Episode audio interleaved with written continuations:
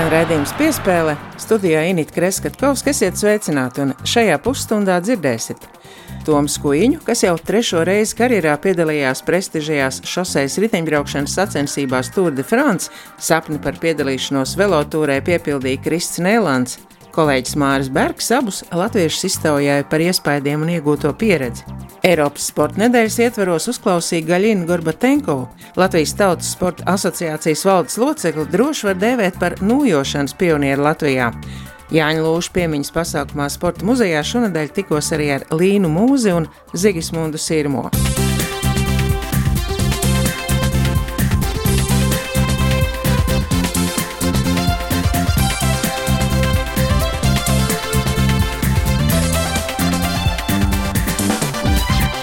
Toms Skuiņš jau trešo reizi karjerā piedalījās prestižajās šoseis riteņbraukšanas sacensībās Tour de France.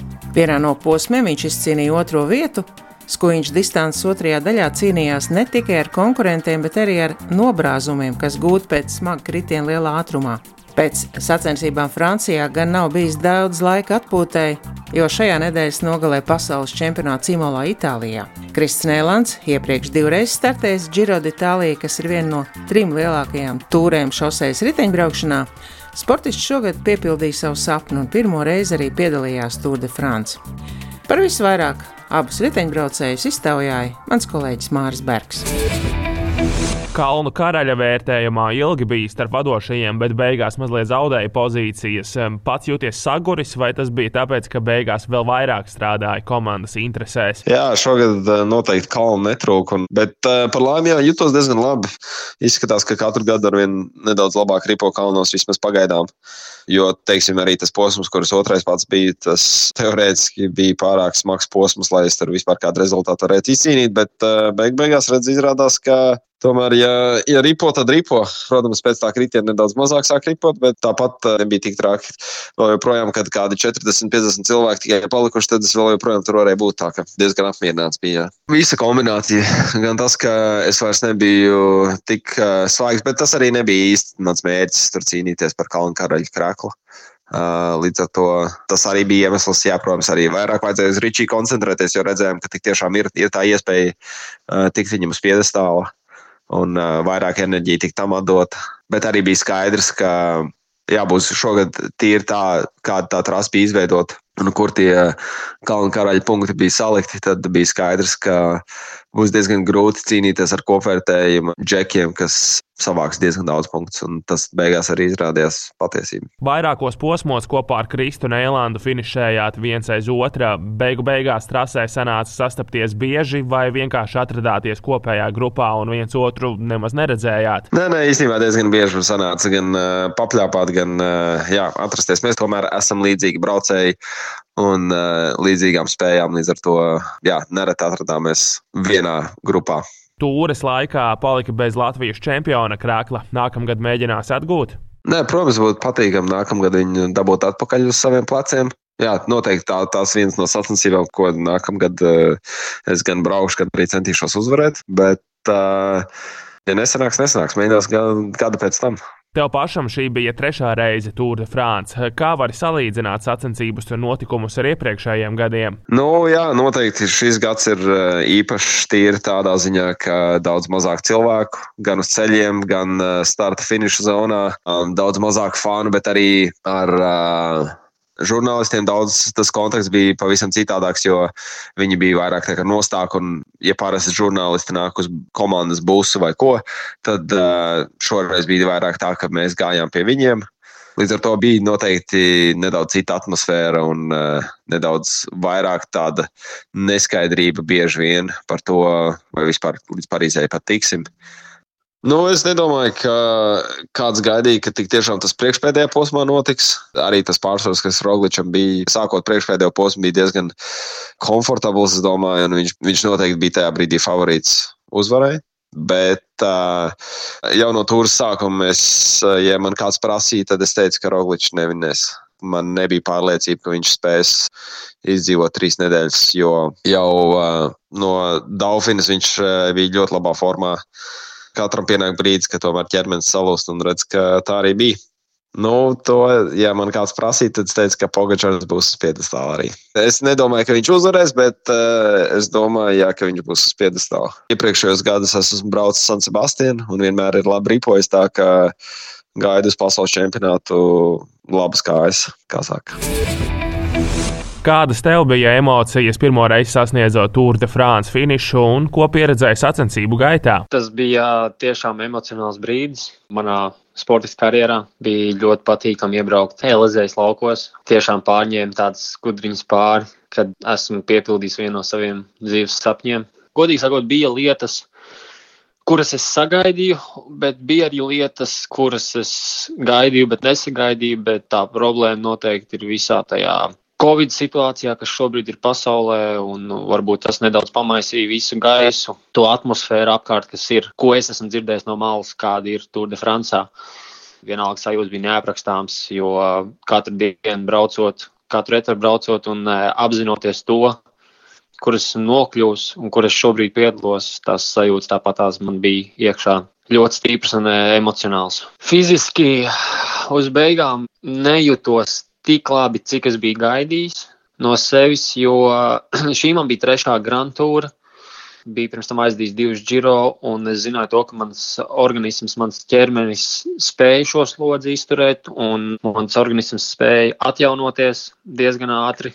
Bet šoreiz kaut kas līdz galam man pietrūka. Uh, Bet, eh, protams, man negribās meklēt kaut kādus iemeslus un attaisnojumus, bet tā mana doma, kas ir šogad tā sezona ir bijusi, teiksim, traucēta ne tikai man, arī citiem sportistiem. Es domāju, ka dēļ tā, ka mums tā sezona ir bijusi tāda saraustīta un uh, ir bijuši kaut kādi tukši periodi, ka tas arī man nedaudz pamainīt to visu sagatavotību un šim Tour de France. Kā var salīdzināt Francijas tūri ar Giro de Itālija, kur esi piedalījies divreiz? No organizācijas puses diezgan līdzīgi, jo gan Giro, gan Tūri un arī Velti ir trešās sacensības. Viņas visas trīs ir augstākās klases sacensības. Un, jā, esmu braucis Giro un tagad Tūri. No organizācijas ziņā, man liekas, tas ir viss gals. Viss tiešām ir pārdomāts, viss ir ideāli, viss ir super. Bet tā salīdzinot Giro ar Tūri, Tūrē ir manāms vairāk stress. Teiksim to tā, no braucēja puses stress, visi ir vairāk nerv, nu, nervozāki. Paši braucēji, jo visi apzinās, ka tās ir lielākās sacensības pasaulē un visi vēlās parādīt rezultātu. Plus eh, visi braucēji ir uh, labākajās formās un visi ir spēcīgi. Un, uh, tā nervozitāte un tas stress ir ļoti manāms uh, Tour de France. Bet Giro man gribas teikt, ka Giro etapi ir vēl brutālāki. Garāki un uh, ir arī smagāki Giro etapi. Bet tāpat šīs Tour de France arī bija ļoti smags. Un to nesaku tikai es, bet arī ļoti daudz sportisti teica, ka šogad bija viens no smagākajiem Tour de France. Vienā no posmiem ilgi bija līderis un tikai pašā beigās zaudēja pozīcijas. Kā tev pagāja tā diena? Man personīgi es tiešām ļoti labi jutos. Kā jau minēju, ka tur kārtas līdz galam nesakrīt. Tās labākās ar mums atrāvienā bija viens no sportistiem, kurš konvertējumā zaudēja tikai trīs minūtes ar kaut kādām 50 sekundēm. Līdz ar to līderu komandas negribēja riskēt un mūs palaist pārāk tālu. Tāpēc arī mēs līdz galam nevarējām cīnīties par uzvaru etapā, jo mūsu laiku kontrolēja un turēja tūmā no pelotona. Bet eh, Tāpat tās es centos ļoti aktīvi braukt un, un, un parādīt savu labāko sniegumu, kas man liekas, man arī izdevās. Slovēnis Pogačārs sestdien sensacionāli izrāva titulu no rokām savam tautietim Primožam Rogličam. Kā uz to visu skatījās paši braucēji? Gaidījāt, ka Rogličs mierīgi aizbrauks līdz galam un uzvarēs, vai arī tomēr gaidījāt šādus izlaicienus? Tas kameras varbūt es vairāk nemaz tik daudz neievēroju. Tā ir tāda pierasta lieta. Tu jau apzinājies to, ka tas viss tiek raidīts televīzijā un ka tu esi uzmanības centrā no tāda viedokļa. Tur, es, jā, tur vienkārši tas tiek tā, teiksim, palaists garām pirmās reizes, kad es nokļuvu šajā līmenī, tad bija tāds wow, super. Jā, zin, kā pirms tam es pa televizoru skatījos sacensības, un uh, tagad es esmu šeit, tieši tur, uzmanības centrā, un arī man tuvinieki un draugi un paziņas man redz televīzijā.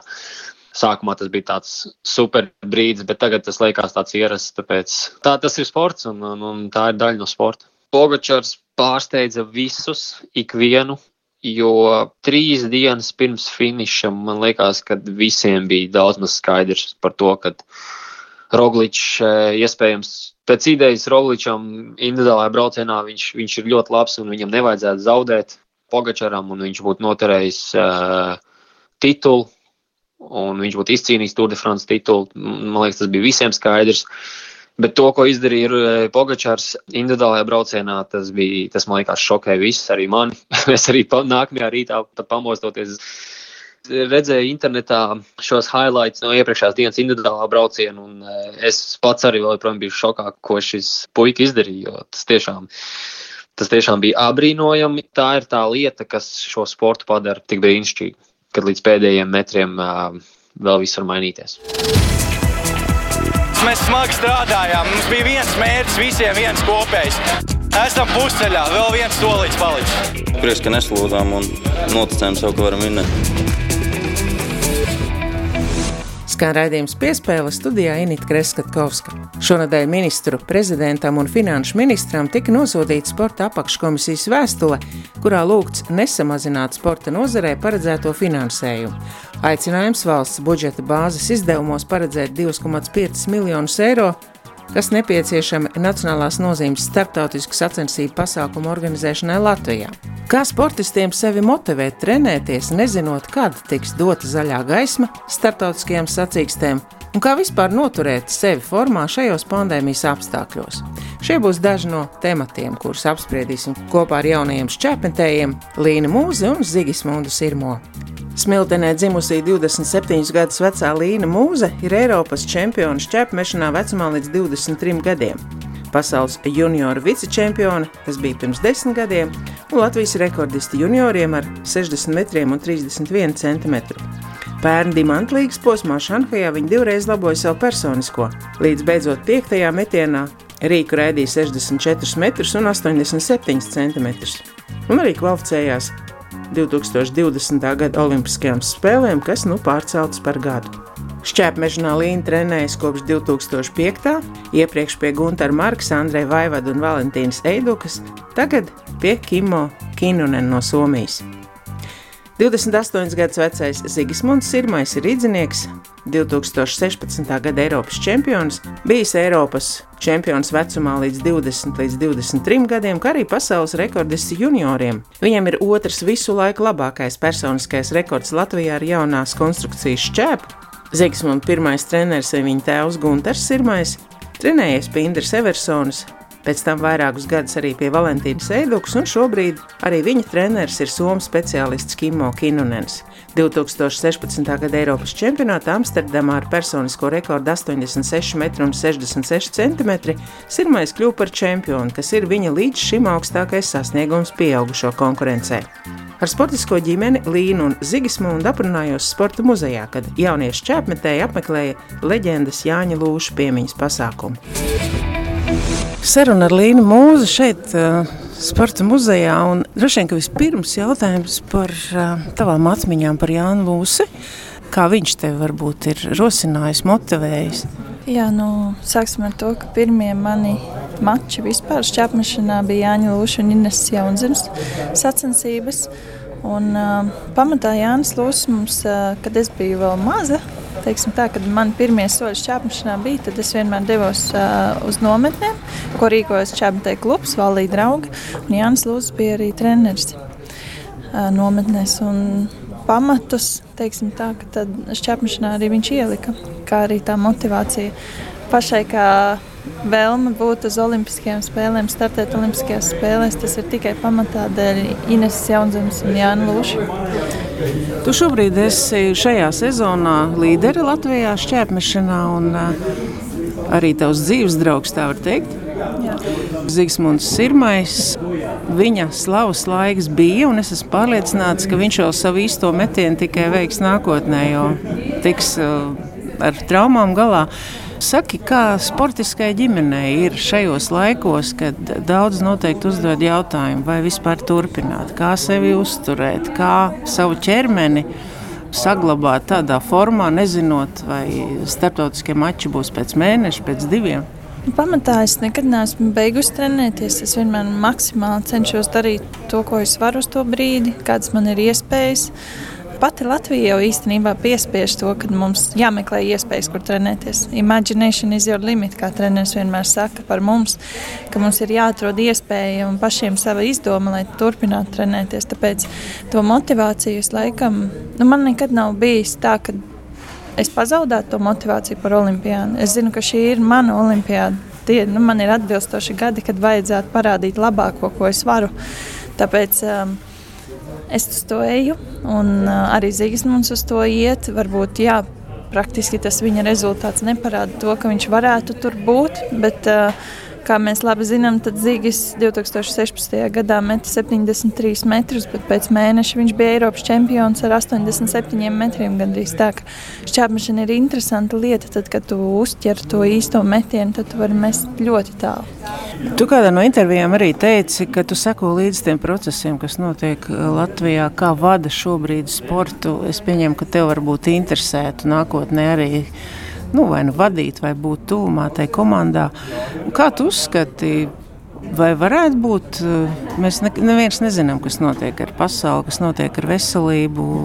Var vienu vīrusu pārvarēt, varbūt atkal nākamais, vai tu paredzi, ka tautas sports varētu izkonkurēt lielo sportu, ka tādā veidā varētu būt šī sporta vīzija? Pamatā, jebkurā sporta veidā, manuprāt, ir jābūt elkam ir jābūt tam cilvēkam, kuram tu gribi līdzināties tai personībai. Tāds man bija Jānis Lūsis un Inese. Tādi man ir arī ārzemes sportisti, kā Jānis Železnis, Andrejs Torkelsens un Barbara Špatākova. Tāpēc, jebkurā gadījumā, tad, kad es sāku, man gribējās, lai ir tas cilvēks, uz ko es skatos. Pamatā tautas sports, manuprāt, ir izcils, izcila lieta, jo praktiski visi to var darīt. Tur, kā lai saka, nav ķermenis pilnībā jānomoka, tā kā mēs to darām. Bet arī, piemēram, maratonā, ja es gribētu skriet maratonu šajā brīdī, es arī skatītos uz uh, Prokopčuku. Jo viņa ir uh, kā, elks, manuprāt, ļoti daudzām maratonistiem. Viņas sasniegumi rāda par sevi, un viņa ir profesionāli bijusi.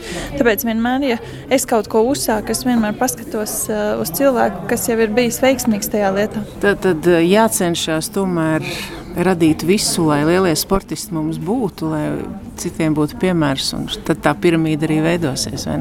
Es domāju, ka pilnīgi noteikti. Es domāju, ka katra lieta nevar iztikt bez otras lietas. Es šajā brīdī domāju, ka tiešām nu, mēs nevaram iztikt bez tiem labajiem sasniegumiem. Protams, tā viss ir izklaides industrija. Mums ir jāskatās, un manuprāt, arī mēs bez tā arī iztikām. Ļoti labi tos trīs mēnešus, gan bez kinoteātriem, gan bez teātriem izrādēm. Tā ir izklaides industrija, bet manuprāt, cilvēkam ir sevi jāiepriecina, lai viņš varētu strādāt un darboties ikdienā. Labi, liels paldies tev un veiksmi turpmāk! Zigismunds Sirmais saruna pēc Līnas, un Līna man atļāva saukt jūs par pāri arī dzīvē. Kā pašam ir būt um, sportiskās ģimenes saimniekam, vīrietim, šais laikos laikam nav viegli. Jā, ir interesanti, protams, nu, bet um, sports mums uh, vieno sirdslieta mūsējā, un, un, un mums arī draudzīgas attiecības ir, tāpēc man liekas, tas viss kopā diezgan forši. Jūs sev esat arī pierādījuši, nu, strādājot oficiāli amatā, vai tas vairāk ir reklāmas darbs? Tas vairāk kā reklāmas darbs. Mēs sadarbojāmies ar restorānu tīklu Hercogs. Tā vienā dienā izdomājām, ka varētu uztaisīt tādu vienu vakaru kā, ar saviem faniem, kur gribētu atnākt ar mums parunāties un, un, un pabaudīt eh, labu gaisotni restorānā. Un, un, un, principā izdevās. Cilvēki bija atnākuši diezgan kuplā skaitā un, un, un uz, nu, nācās nedaudz iesvīst. Nu, tā bija interesanti, interesanti pieredze katrā ziņā. Un, un, jā. Kā tu filozofiski vērtē situāciju, kas ir tagad? Jo, protams, ka pasaule ir slima, sportam proporcionāli mēs neesam atdalīti no pasaules.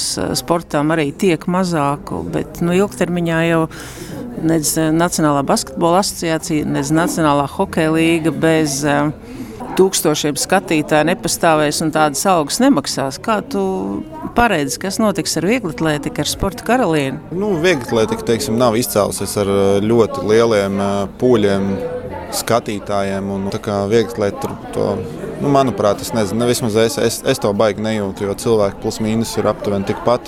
Baigi nekas nav mainījies, protams, tur distances un tā tālāk, bet skaita ziņā man liekas, ka īsti nekas nav mainījies.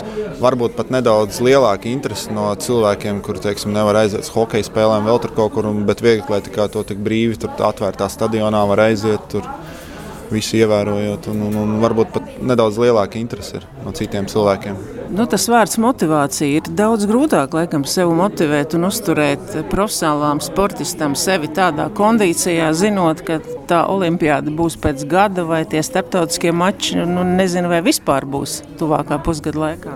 Tā jau ir, jā, protams, nu, jāskatās ar vispasaules situāciju. Cerējām, ka būs šogad olimpiāda, nebija. Cerēsim, ka būs nākamgad, jau redzēs, rādīs laiks.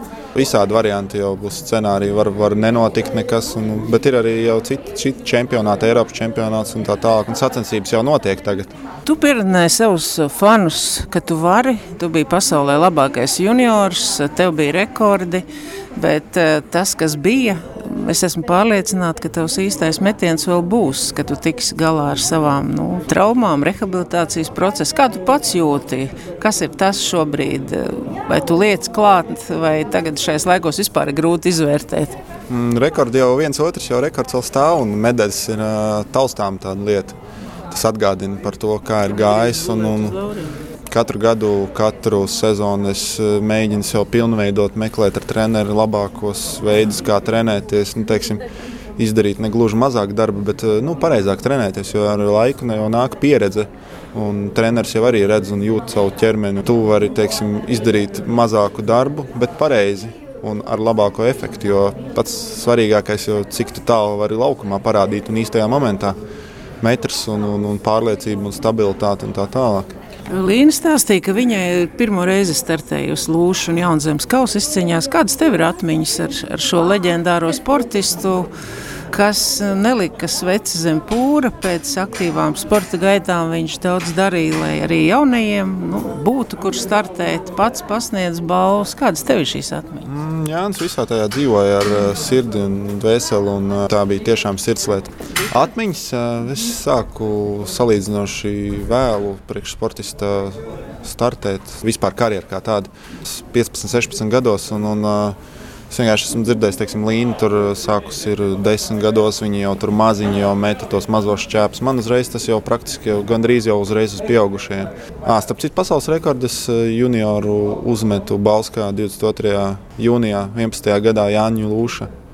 Nākotnē klātbūtnē un kausa izcīņā. Tā diezgan, diezgan, diezgan īpaši. Un tas rekords joprojām ir Eiropas, un viņš vēl stāv, un es domāju, vēl stāvēs kādu laiciņu. Nu, jau, labi, paldies, un veiksim te tev sasniegt to tavu īsto metienu. Mēs jau gaidīsim. Jā, paldies. Jā, paldies. Viņš bija tāds motivators, ka es arī gribu būt tur, kur ir viņš un darīt to, ko viņš dara. Visiem spēlētājiem mēs ticam, gaidām, un, un vēl nekas nav beidzies. Vismaz viena spēle mums noteikti. Jā. Skan raidījums piespēles studijā Inita Kreskatkovska. Šodien kurorta pilsētā notiek Latvijas čempionāts nojošanā trešais posms, kas pēc tradīcijas notiek jūrmālas skriešanas svētku ietvaros. Un nojotājiem ir lieliski iespēja izaicināt sevi 21 km, 10 un 5 km distancēs. Kā zināms, nojošana ir pastaiga ar īpaši izstrādātām nojām, kas palīdz nostiprināt un attīstīt dažādas muskuļu grupas. Ar nojošanas pionieru Latvijā tagad valsts treneru un Tautas sporta asociācijas valdes locekli Gaļina Gorbatenkovu sarunu piespēles izskaņā. Šķiet, ka nojošana ir tas pasākums, kas Covid laikā noteikti ir drošs, ieteicams, svaigā gaisā. Un, Jūs jau varat nu, ar drošu sirdi saukt par Latvijas nojošanas pionieri. Un visi tie lielie mači, kas ir atvest uz Latviju, jūs arī braucat gan uz reģioniem, gan pie jauniešiem, gan pie senioriem, demonstrējat, kā ir pareizi nojošana. Tagad ir iespēja gan jauniem, gan vidējiem, gan dažāda līmeņa nojotājiem sev pierādīt. Nu, jā, tieši tā. Tik, tikko bija izsludināts Covid, mēs uzreiz publicējam tādus kā individuālus nodarbības. Tur mums bija nojošana, tur mums bija strādājošiem oficiālajā biroja vingrinājumi. Un tad, kurus varējām, mēs arī teicām par to, ka var arī izpildīt mājās, sēžot pie kompjutera, sēžot pie televizora. Un uh, brīvdabas vingrinājumu mēs tā arī varam pateikt par to, nu, izmantojot uh, visu, kas ir pie rokas ārā. Pat nevajadzēja speciālus nekādus uh, inventāru speciālu, jo ārā ir daudz mazāk iespējas saslimt ar covid. Ir tīpaši, kad cilvēks viens pats trenēs vai, vai neliela grupiņa, ietur to distanci, liela daļa. To es arī redzēju, ka cilvēki patiešām staigāja, vingroja un nujoja, skrēja. Ļoti daudz es redzēju, ka individuāli cilvēki nodarbojas tieši tajā Covid laika. Un tik tikko bija iespēja atkal atsākt regulāras nodarbības un sacensības, principā mēs arī to izdarījām. Un mums jau notika divi posmi Latvijas čempionāta nojošanai. Tagad jau ir trešais posms, jūrmala. Tas arī pasākums parasti ar kuru es domāju, ka skrējēji un nojotāji atver sezonu. Parasti viņš ir aprīlī mēnesī notika, bet nu, šogad viņš ir pārcelts uz septembri. Pasākums arī saucas kā Jūrmalas skriešanas svētki un uh, nojošana. Manuprāt, 5 km tautas klase tas ir tāds uh, no vidēji pieņemams un tāds, kas pirmos sviedriņus varētu izsist, bet ir arī 21 km tā saucamā sporta klase, kur jau nopietnāk sagatavošanās vajadzīga. Jā, jā, tieši tā, un es jau zinu, ka viens otrs speciāli tagad papildus apmeklē trenerus. Un gatavojas, nu, kā piemērs, vīrietis sāka nojot ne īpaši sen, nu, neteiksim, ka tur 5, 10 gadi, ja? daudz, nu, gadi, 3 laikam viņš nojo. Tad viņš pamēģināja sevi uz 5 km. Nu, viņš saprata, ka to viņš ļoti viegli un ātri pārvarēja. Tad jau nākošajā posmā viņš jau startēja 10 km distanci. Un arī saprata, ka viņam tas nesagada nekādas grūtības. Tagad, jā, viņš grib pieteikties uz 21 km. Nu, viņš gatavojas. Jā, nojošana ir tehnika, bet tā ir dabiska staigāšana nu, uzskata, ka 6, 8 nodarbības ar uh, treneri, nojošanas treneri. Ja? Un tad pēc tam cilvēks var principā, pats staigāt mierīgi. Ja viņam rodas kaut kādi jautājumi, tad viņš var, protams, atnākt atkal pie trenera un uh, pajautāt. Uh, treneris var viņam pielāgot to tehniku, var pašam staigāt. Jūsu organizācija nākamgad svin 30 gadus, un jau pagājuši trīs gadi kopš Rīga un Latvija pievērs uzmanību, rīkojot pasaules strādājošo amatieru sporta spēles. Arī tagad ir, protams, dažādi starptautiski pasākumi, kam jūs gribētu varbūt, pievērst eh, īpašu uzmanību tagad, gatavojoties eh, šim savam jubilejas gadam arī. Un, uh, varbūt akcentējot to, kas jau ir šajā rudenī, jo, protams, šis gads ir īpašs ne tikai profesionālajam sportam, nu, vispār ikvienam Latvijas cilvēkam, kas, protams, arī skar nu, strādājošos. Nu, jā, patiešām šis gads ir īpašs, es domāju, ka viņš nu, tādā ziņā ļoti nelabvēlīgs priekš uh, sportistiem. Kad atceļas starptautiskie pasākumi, kur jau ielikts ļoti liels darbs. Mums jau, kurš nodarbojas ar tautas sportu, Tas netraucē principā. Nu, labi, no, no pavasara mēs eh, pārcēlām sacensības uz rudeni, bet, lai cilvēks būtu vesels, nav obligāti piedalīties sacensībās, bet um, to iegūtai sportošanai, tautas līmenī, teiksim, ja, mēs varam nosaukt kā veselības profilakses, fiziskas īpašības attīstībai un tā tālāk. Un tā tālāk. Nosaka regulitāte. Ja vienu reizi cilvēks pieceļ sevi un iziet ārā un kaut ko padara, ja aiziet uz fitnes uh, zāli, tas neko nedod veselībai. Vismaz divas reizes nedēļā, ideāli trīs reizes nedēļā, tur stundu, pusotru stundu. Nu, tā pastrādāt, lai tā sirsniņa drusciņā paliek. Ļoti daudz ir literatūras. Jā, ja ir interese, mhm. protams, un ir tīpaši kā Pasaules veselības organizācija, tur visi šie normatīvi ir perfekti uzradīti. To var arī atrast mūsu veselības ministrijas mājaslapā, mūsu arī mājaslapā. Un pateicoties Eiropas sociālā fonda finansējumam, Ļoti daudz, ļoti daudz. Visa Latvija notiek bezmaksas nodarbības iedzīvotājiem, un tas nodarbības ir ļoti dažādas. Tas ir nujošana, tas ir skriešana, tas ir iešana, tas ir vingrošana. Tas nu, nu ļoti jāinteresēs sava pašvaldība mājaslapa. Mm -hmm. Vēl plus visādi pasākumi ģimenēm ļoti daudz. Jā. Paldies par sarunu!